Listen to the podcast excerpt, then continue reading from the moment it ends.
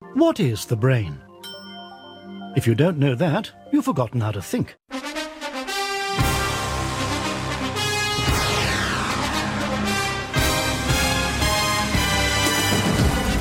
Please ensure you have your copybook at hand, as you'll be asked to take down notes from the screen at various points throughout the program. Du hører på Uillustrert vitenskap.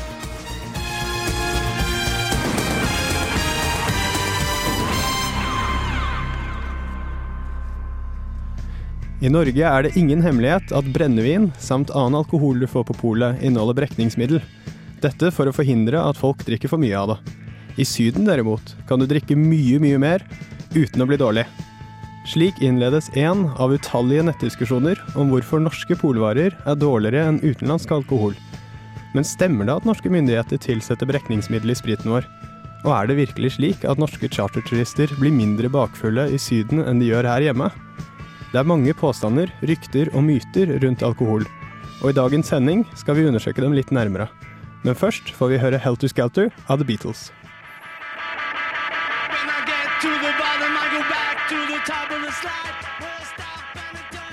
Du hører på Radio Revolt, studentradioen i Trondheim.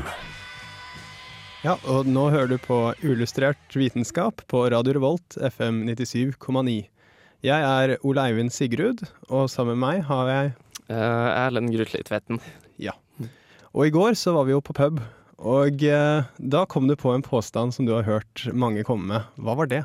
Uh, ja, jeg har hørt det når jeg har vært på fest, litt på fylla, på en måte, så kommer det noen bort til meg og, og sier at at visste du det at i Norge så er det brekningsmiddel i alkoholen.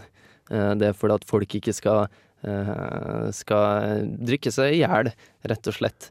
Eh, og de sier også da at har du ikke vært i Syden da og drukket der, du blir jo aldri bakfull, liksom. Og jeg står der og mm, Right, liksom. Hvor har du fått det her fra?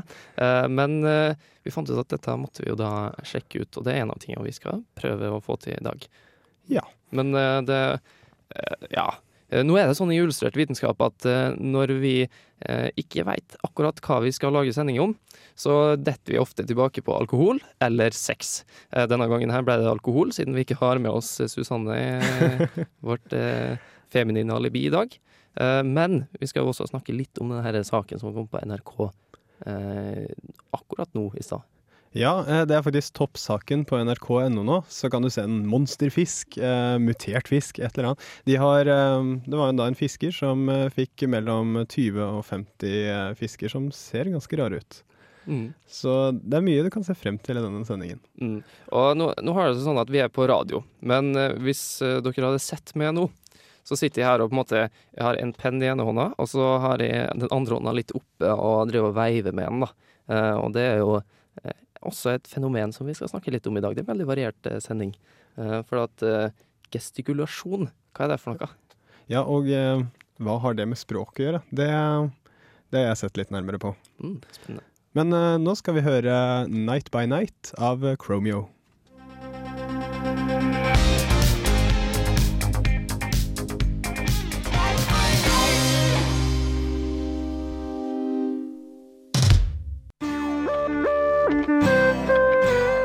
The BrainGate Neural Interface System is an investigational device designed to allow a physically disabled person to increase their independence by controlling a computer with their thoughts. Uillustrert vitenskap. Jo, som sagt så skal vi jo snakke en del om alkohol nå. Eh, men først vil jeg nevne at eh, hvis dere har noen spørsmål eller kommentarer, så kan dere sende en SMS med kodeord RR til 2030. Mm, For eksempel Det er brekningsmiddel i alkoholen! Ja. ja med utropstegn etterpå. Ja, Det går an å sende til oss. i all caps. Mm. Det, Det vil vi ha. det vil vi ha.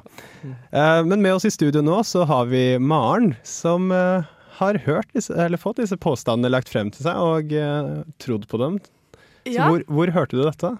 Eh, jeg har ei venninne, og hun heter Annelin, og hun kom til meg og sa Maren, eh, visste du at eh, i norsk alkohol så har de tilsatt brekningsmiddel som en del av eh, politikken da for at eh, vi ikke skal drikke for mye? Og eh, da tenkte jeg ja, it makes perfect sense. Hvorfor gjør det det? For en spyr jo ofte hvis en drikker mye. Og så bare tenkte jeg òg at det, norske myndigheter Ja, det er typiske norske myndigheter. Og så tenkte jeg ikke så veldig, veldig kritisk over det, da. Så har det bare blitt en del av eh, min oppfatning, da. Det passet det litt med personlige opplevelser eh, sånn fra opplevelsen i Norge mot opplevelsen i utlandet, eller eh, var det bare du tok det litt for god fisk? Ja, det jeg tenkte var jo det at sånn Ja, nå skal jeg jo til Mallorca, og det blir deilig å slippe det brekningsmiddelet. Så det var litt sånn det. Ja, personlige opplevelser. Nei, altså En spyr jo gjerne hvis en har eh, ja, veldig mye mengder alkohol. Hva, hva kan jeg si? Ja. Og, men dette her er jo uillustrert vitenskap, og her er vi jo litt nerdete. Så eh, da Erlend bestemte seg for å eh, ta opp dette temaet, så måtte han jo snakke med en rusforsker. Ja, altså vi måtte jo finne ut om det var et om det var hold i det her, for at jeg også har hørt denne myten her, faktisk. Det er ikke bare Maren. Um, og det sies jo ofte det at man, hvis man er i Syden, så kan man jo drikke dag etter dag etter dag og sprit utover langt utover natta. Man blir ikke fyllesyk i det hele tatt, da. Uh, spørsmålet er om det er hold i det, om det er faktisk brekningsmiddel i norsk alkohol. Spennende. Ja, Så jeg syns vi skal høre den reportasjen din nå, jeg. Ja. Redaksjonen i Uillustrert vitenskap har blitt vant til å plukke opp dagligdagse myter blant folk flest overalt hvor vi ferdes. Ja, til og med på fest. Der handler det selvfølgelig mest om myter rundt alkoholmisbruk, og en av de merkeligste vi har hørt, lyd som følger. Pst! Visste du det at eh, norsk alkohol er tilsatt brekningsmiddel for å unngå at folk blir så fulle at de drikker seg i hjel? Dette måtte vi selvfølgelig prøve å finne ut av. Så vi ringte til alkoholpolitikkforsker Øyvind Horverak i Statens institutt for rusforskning, og konfronterte han med brekningsmiddelmyter. Teorien om brekningsmiddel er, det må være en avisand, Renebås. De som driver stort i importerte smuglersprit, de kunne kanskje ha interesse av å spre en slik eh, løgn, men det er jo bare Jeg mener, jeg mener det er en ren løgn. Norsk alkohol kan du drikke trygt. Det er egentlig ganske greit å få busta denne myta først som sist. Men når vi først har en alkoholforsker på tråden, så tenkte vi at vi like gjerne kunne få svar på noen andre myter vi har hørt om alkohol. Som f.eks. den om at kvinner blir mer bakfull enn menn, og hva det er som avgjør hvor bakfull man egentlig blir. Eh, Det er jeg også en myte som eh, altså, Graden av bakrus den har sammenheng med inntaket. Så hvis du drikker deg like berusa, altså oppnår samme promille, så vil sannsynligvis også bakrusen være nokså lik. Promillen i noen grad, noen grad hva du drikker, er selvfølgelig forskjell på bakrus av konjakk og hvitvin.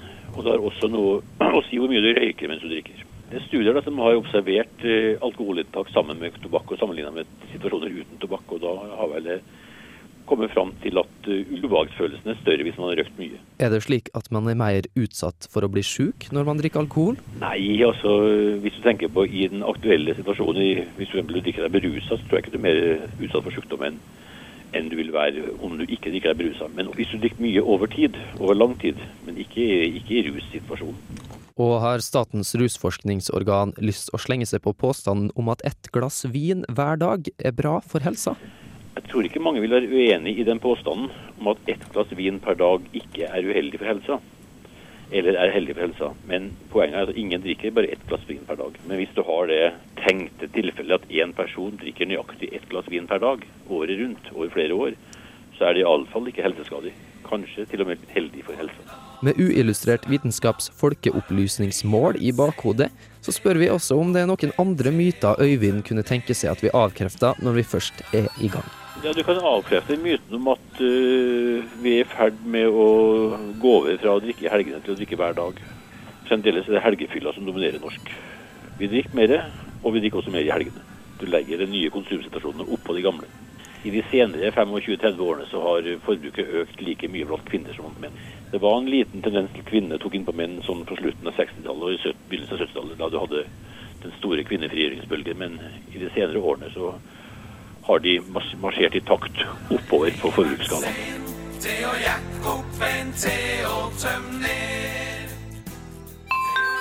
Radio Revolt på FM 97,9. Der hørte vi eh, Erlend Tveten snakke med rusforsker eh, Øyvind Horvaker. Ja, han var en veldig hyggelig fyr, forresten. Fra Ja. Trøndelag, så han har vel kjennskap til eh, hvordan drikkekulturen var her oppe. Ja. Og han avkreftet jo det at det er brekningsmidler i uh, norsk sprit. Så hvorfor tror du folk påstår, eller hvorfor tror du folk opplever at de ikke blir fyllesyke i Syden? Nei, altså, hva skal man tro om det? Altså, han, Øyvind hadde faktisk ikke hørt om en myte her før, eh, faktisk. Så han eh, var, var Ja, han var nesten litt sjokkert over at det verserte, det her, denne, den, de ryktene her rundt omkring i studiemiljøet i Trondheim, blant annet. Eh, nei, grunnen til dette her er at kanskje kan det ha blitt satt ut eh, av folk som driver med smuglersprit, eksempel. Mm. Eh, det er et, eh, et alternativ. For det er jo greit salgstriks med at min sprit, den er jo helt ren fordi den er lagd selv, i motsetning til den du kjøper på ja. Den norske, norskproduserte ja. og offentlige spriten som Mm. eh, har brekningsmiddel i seg. Eh, nei, altså han kom jo også med en annen, eh, en annen påstand i forhold til eh, Syden og sånn, at eh, når man drikker Syden, så skal man ikke tidlig opp om morgenen, og så da er man generelt i ja, eh, ikke så stressa. Eh, Ja, og så de er mer uthvilt, de sover lenger og sover av seg rusen bedre. Ja. Eh, og så skal man ingenting, man skal ikke på jobb eller man skal ikke sånne andre ting. Så da føler man at man er i bedre form. Men jeg har jo en annen, en annen teori som jeg tenker litt på sjøl. Og det er jo i forhold til spriten man får i Syden. Det er jo ikke nødvendigvis sånn Altså, jeg stoler egentlig mer på spriten vi får i Norge enn den jeg eventuelt ville fått i Syden, da, på en bar. Den kan fort være vanna ut. Eh, og da er det mindre alkohol i, altså. Tror du Ja. ikke det? At eh, det kan ha noe med det å gjøre.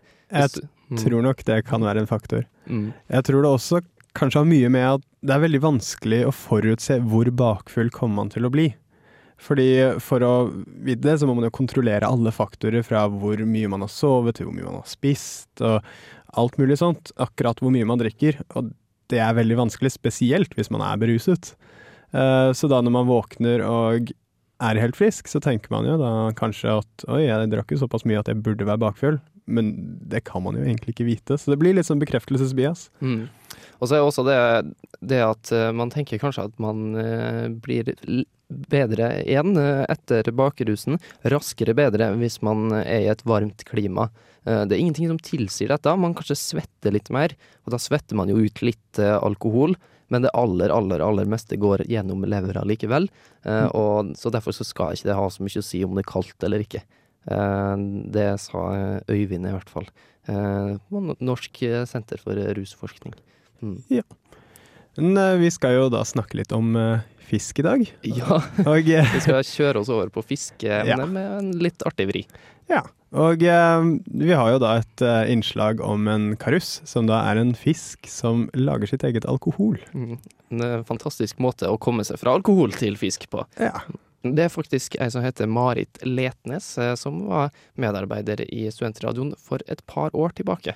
Som har lagd denne reportasjen om karussen etter eh, denne låta som skal komme først. Det blir da Jake Legg med Baroness.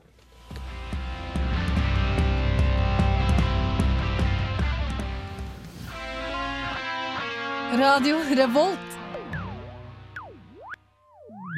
Nå skal vi gå langt ned i sjøen. Vi skal snakke om en mystisk fisk. Det er jo mange rare ting i havet, og jeg har hørt om en fisk ved navn karuss. Og den skal visst utskille alkohol. Har du hørt noe om denne her, du o store naturguru Dag Dolmen? Ja, altså da tenker du på karussen. Karussen det er sånn typisk vinterøkologisk studie. da, vet du, ikke sant? For at, eh, altså Den er jo interessant på mange måter, for den kan godt ligge tørt på land eh, faktisk i mange timer. Og eh, det går fint å fryse inn i isen. Det har jeg prøvd sjøl, og skrudd på varmtvannskrana, og fisken svømte bare lykkelig videre. Er det noe øvre tidsgrense for hvor lenge den her kan overleve i ei isblokk? Kan være der i mange uker? Ja, det, det har vi ikke prøvd, da. Men sannsynligvis kan den det. Men vanligvis så, så, så, så overvintrer den da nede i bunnmudderet, hvor det ikke finnes oksygen, i, i en dam f.eks. Og, og den greier seg faktisk uten oksygen, for en stor del i hvert fall. Og da eh, utskiller den altså alkohol, etanol, som, eh, som et slags biprodukt i denne her eh, anaerobe respirasjonen. Og da var det slik at etanol er det samme som ren sprit eller legesprit, mens metanol er livsfarlig, ikke sant da? Som innbarka eh, avholdsmann så eh, er jo begge ferdige, naturligvis, men eh, etanolen er ikke den farligste. Så hvordan ser den her karussen ut, da? Den ligner litt på en, på en gullfisk, altså disse gullfiskene som du kjøper i en akvarieforretning.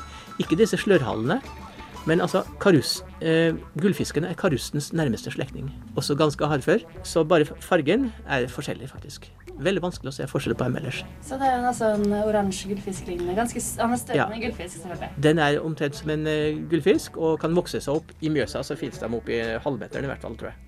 Så hvor kommer den fra? Ja, jeg skal høre at eh, den, eh, Etter istida så kom den til Norge. Det ser ut til at den gikk på egen maskin opp til på Østlandet et stykke. Men i Trøndelag, på Vestlandet og nordover i landet så ble den nok antagelig satt ut, for den fins her også, satt ut av munkevesenet, eller munker. Fordi eh, Av alle folk. Du skulle ikke tro at uh, munkene hadde I stedet for med avholdenhet og sånne ting med Ja, munker. ja. Men uh, de har sett ut alkoholfisk. de tenkte, de tenkte nok eh, ikke på alkoholfisk, nei, de tenkte nok på fastetida, tenker jeg. Fordi at eh, de var vant med fra mm, lenger sør i Europa å spise karpe og karus under fastetida, den såkalte fastetida. Da du kunne spise fisk, men ikke annet slags kjøtt. Hvordan er det du kan fange den fisken her, hvis du har lyst på en fisk som utskiller alkohol og kan bli fanga inn i isblokk og fremdeles overleve? Da setter du et finmaska garn og sperrer av en eh, dam. Eh, og så får du da en liten million med eh, karus i, i, i garnet neste morgen. Og altså, hvordan er det å spise? Og jeg har prøvd å spise karus, men det er mye bein, da. Så du bør helst ha litt størrelse på den hvis, du skal, hvis det skal være noe vits i å steke den i panna. Men hva er smaken? Ja, den smaker eh, stort sett eh, mudder og grums.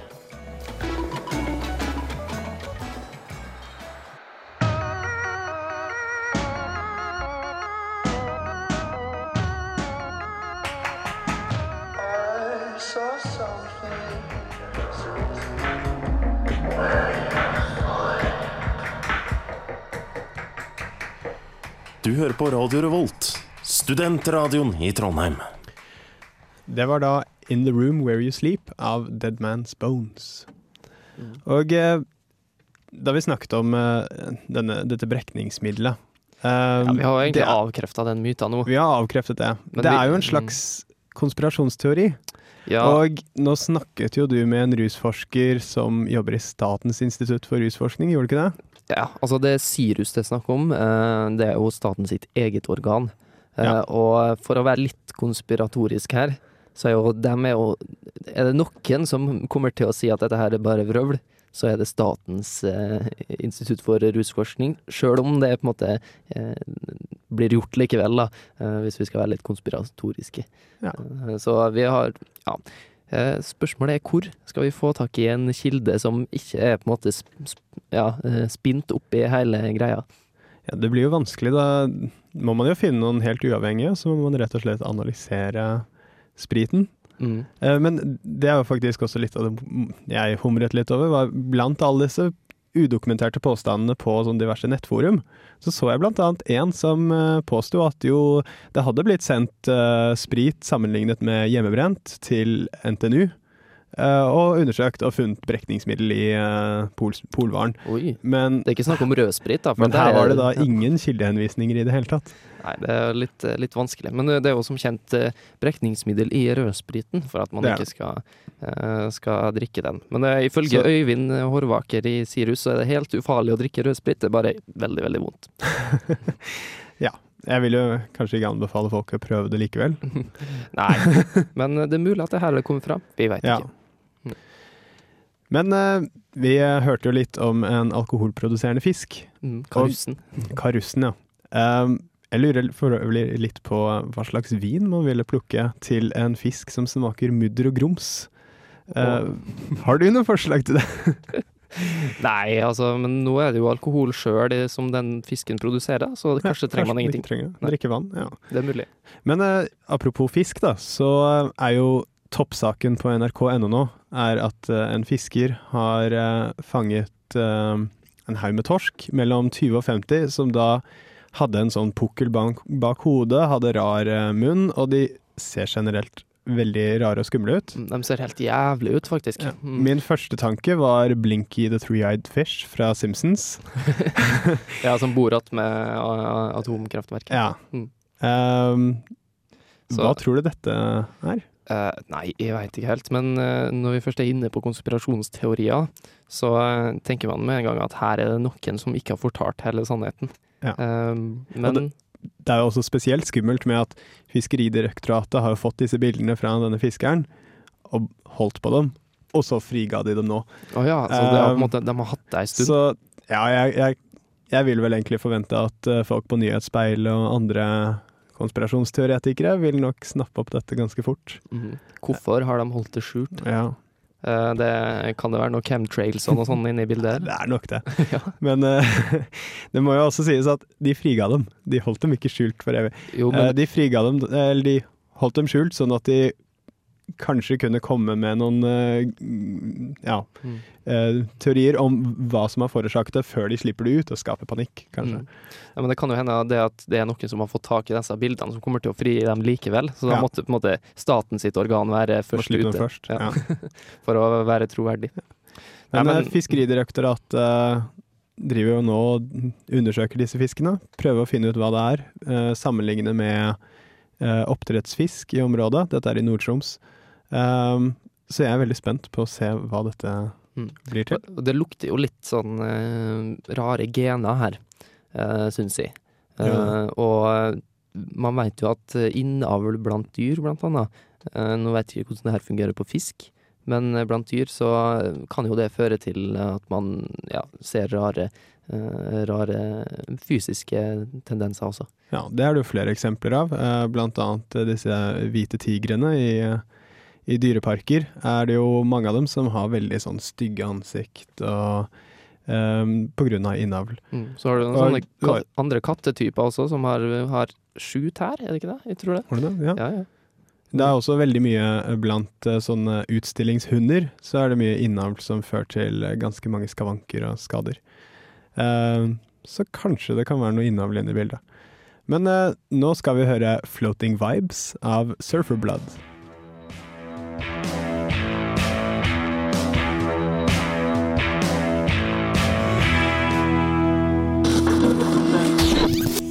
Surfer Revolt. Nå skal vi eh, bytte tema litt eh, her i Uillustrert vitenskap. Um, når jeg har fått noen øl innabords, så merker jeg at jeg begynner å gestikulere veldig mye mer. Jeg sveiver kanskje litt med armene, kanskje litt i meste laget. Ja. Um, Ja, det har jeg merka. Ja. og jeg gjør jo det samme sjøl om jeg ikke har drukket eh, noe som helst. Eh, jeg har ikke engang drukket eh, brekningsmiddel. Eh, så eller har du? Nei, nei, nei. Ikke, ikke i dag. I det minste. Men nå sitter jeg jo her og er på radio, så det er egentlig bare stemmen min som på en måte når ut til dere som sitter og hører på. Men likevel så sitter jeg her da med, med armene mine og så ja, tar dem sammen og litt sånn Obama-fakta. Liksom sånn se litt fra ene sida til andre sida og på en måte eh, Ja, den se greia der. publikum. Se på publikum. eh, og på en måte føle inni meg at dette her eh, fører til at de får ut budskapet mitt på en bedre måte. Litt sånn rullende bevegelser med hånda og, og sånne ting. Og, og en penn, den er veldig fin å ha i hånda. For da på en måte Det blir litt balanse. Det blir jo det. Mm. Det, det blir det. Eh, men dette har jo du sjekka ut litt mer. hva slags sammenhenger den gestikuleringa har med ja, Ja, hva har det med språk å gjøre? Mm. Eh, kan ikke vi bare høre på det? Ja.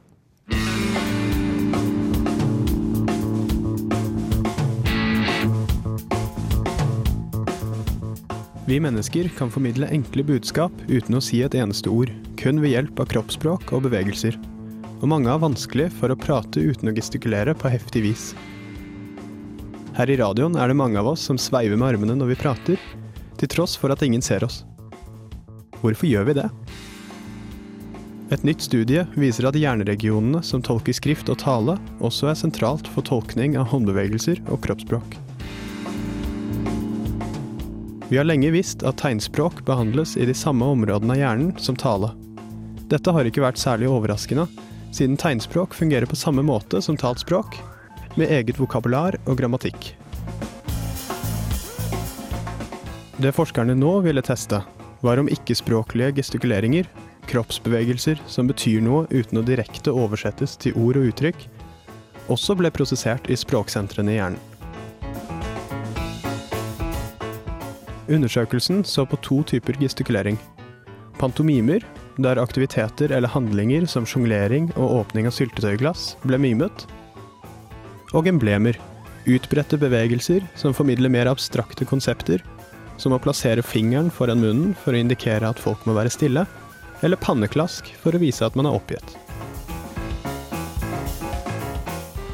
Testpersonene lå i en FMRI-maskin og ble vist videoklipp av personer som enten utøvde pantomimer og emblemer, eller sa frasene assosiert med disse bevegelsene. Som en kontroll ble testpersonene også vist ubetydelige bevegelser og spilt sudoord, ord og fraser som ble tilfeldig oppdelt og omorganisert, slik at det ikke skulle tolkes som språk. Resultatet var at de betydningsfulle kroppsbevegelsene aktiverte de samme hjerneregionene som språket. Dette kan gi oss innsikt i hvordan språk ble utviklet. En ledende modell for språkutvikling foreslår at stamfaren til mennesker og aper kommuniserte ved hjelp av gestikulering og kroppsbevegelser, og at hjerneregionene som prosesserte disse bevegelsene, senere ble tilpasset bruk av ord. Dette studiet stemmer godt med den modellen.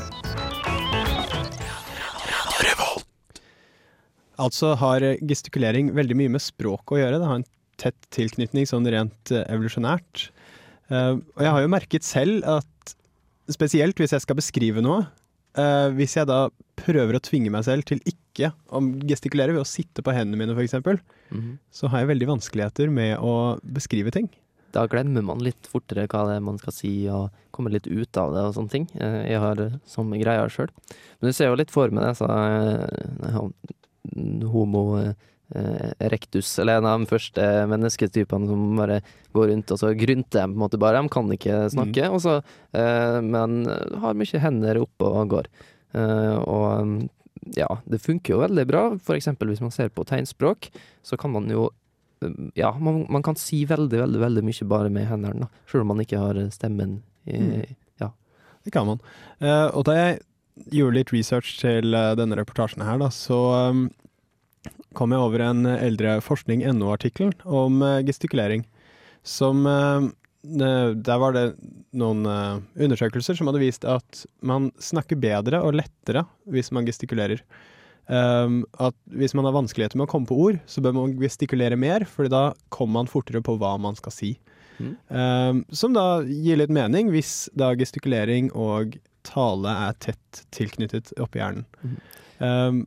Og den, de skrev der også at uh, hvis jeg gestikulerer mye, så hjelper det ikke deg å forstå hva jeg sier. Det hjelper bare det. Det hjelper kun meg. Mm.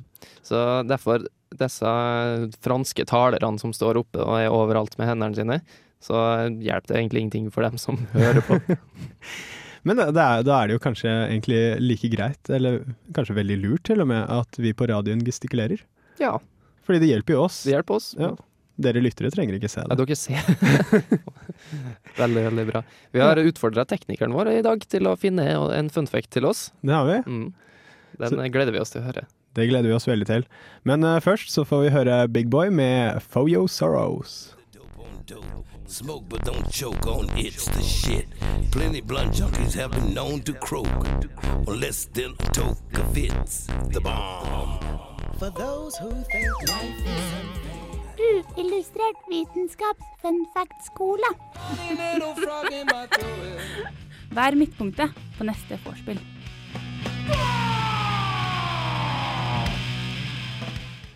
Jo, vi har jo utfordret vår tekniker Martin til å komme med en fun fact, og eh, det har han Jeg, jeg synes eh, den første, den første fun facta vi fikk fra en tekniker en gang i Uillustrert vitenskap, Ja. eh, det var at datamusa ble oppfunnet i 1976, eller et eller annet sånt. Så den var skikkelig dårlig. Så jeg syns den her er bedre. Ja. Mm. Så eh, hva er Ja. fun facten her? Ja, nå har ikke tekniker mikrofon, så vi kan Mm, nesten uh, si det sjøl. jo, fun facten er bram, bram, bram.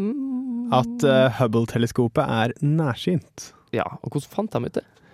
Nei, de eh, fikk noen bilder, og så så de at dette her var uklart. Mm. Uh, Og så tenkte man eh, Enten så tenkte man OK, nå har vi dreit, ut, dreit oss ut og må ta ned hele greia. Eller så gjør man som med menneske. Ja.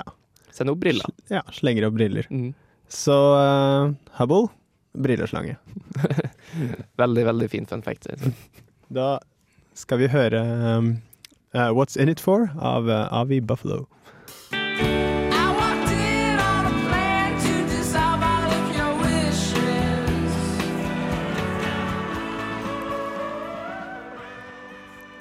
Det var uh, dagens sending av Uillustrert vitenskap. Neste uke så uh, har vi noen store ting vi lover. Det blir en uh, klimatoppmøte-ekstravaganza sammen med Globus. Oi, fantastisk. Det blir tre timer med klimasnakk. Mm, og da skal vi enten be bevise at det er menneskekropp eh, globale oppvarminga, eller kanskje vi finner ut at det ikke er det likevel. Det er en stor byrde, ja. Ja. Er, nå, nå, nå lover vi mye, men ja. jeg tror det blir kjempespennende. Og uh, Vi skal prøve å gjøre det på en bra måte. det kommer vi til å gjøre. Mm. Uh, vi skal da i dag takke Øyvind uh, Horvalden, han rusmiddelforskeren som ble intervjuet, og takke vår eminente Martin Smådal Larsen. Tekniker. Tekniker, ja. Eh, jeg har vært Ola Eivind Sigrud. Du har vært Erlend Tvetten. Vi høres neste uke.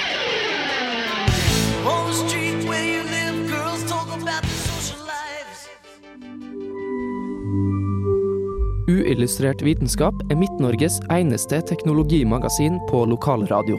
Og vi snakker om alt fra populærvitenskap til sære forskningsprosjekt ved NTNU. Radio Revolt, studentradioen i Trondheim, er stolt av å kunne presentere podkaster fra de aller mest populære programmene våre.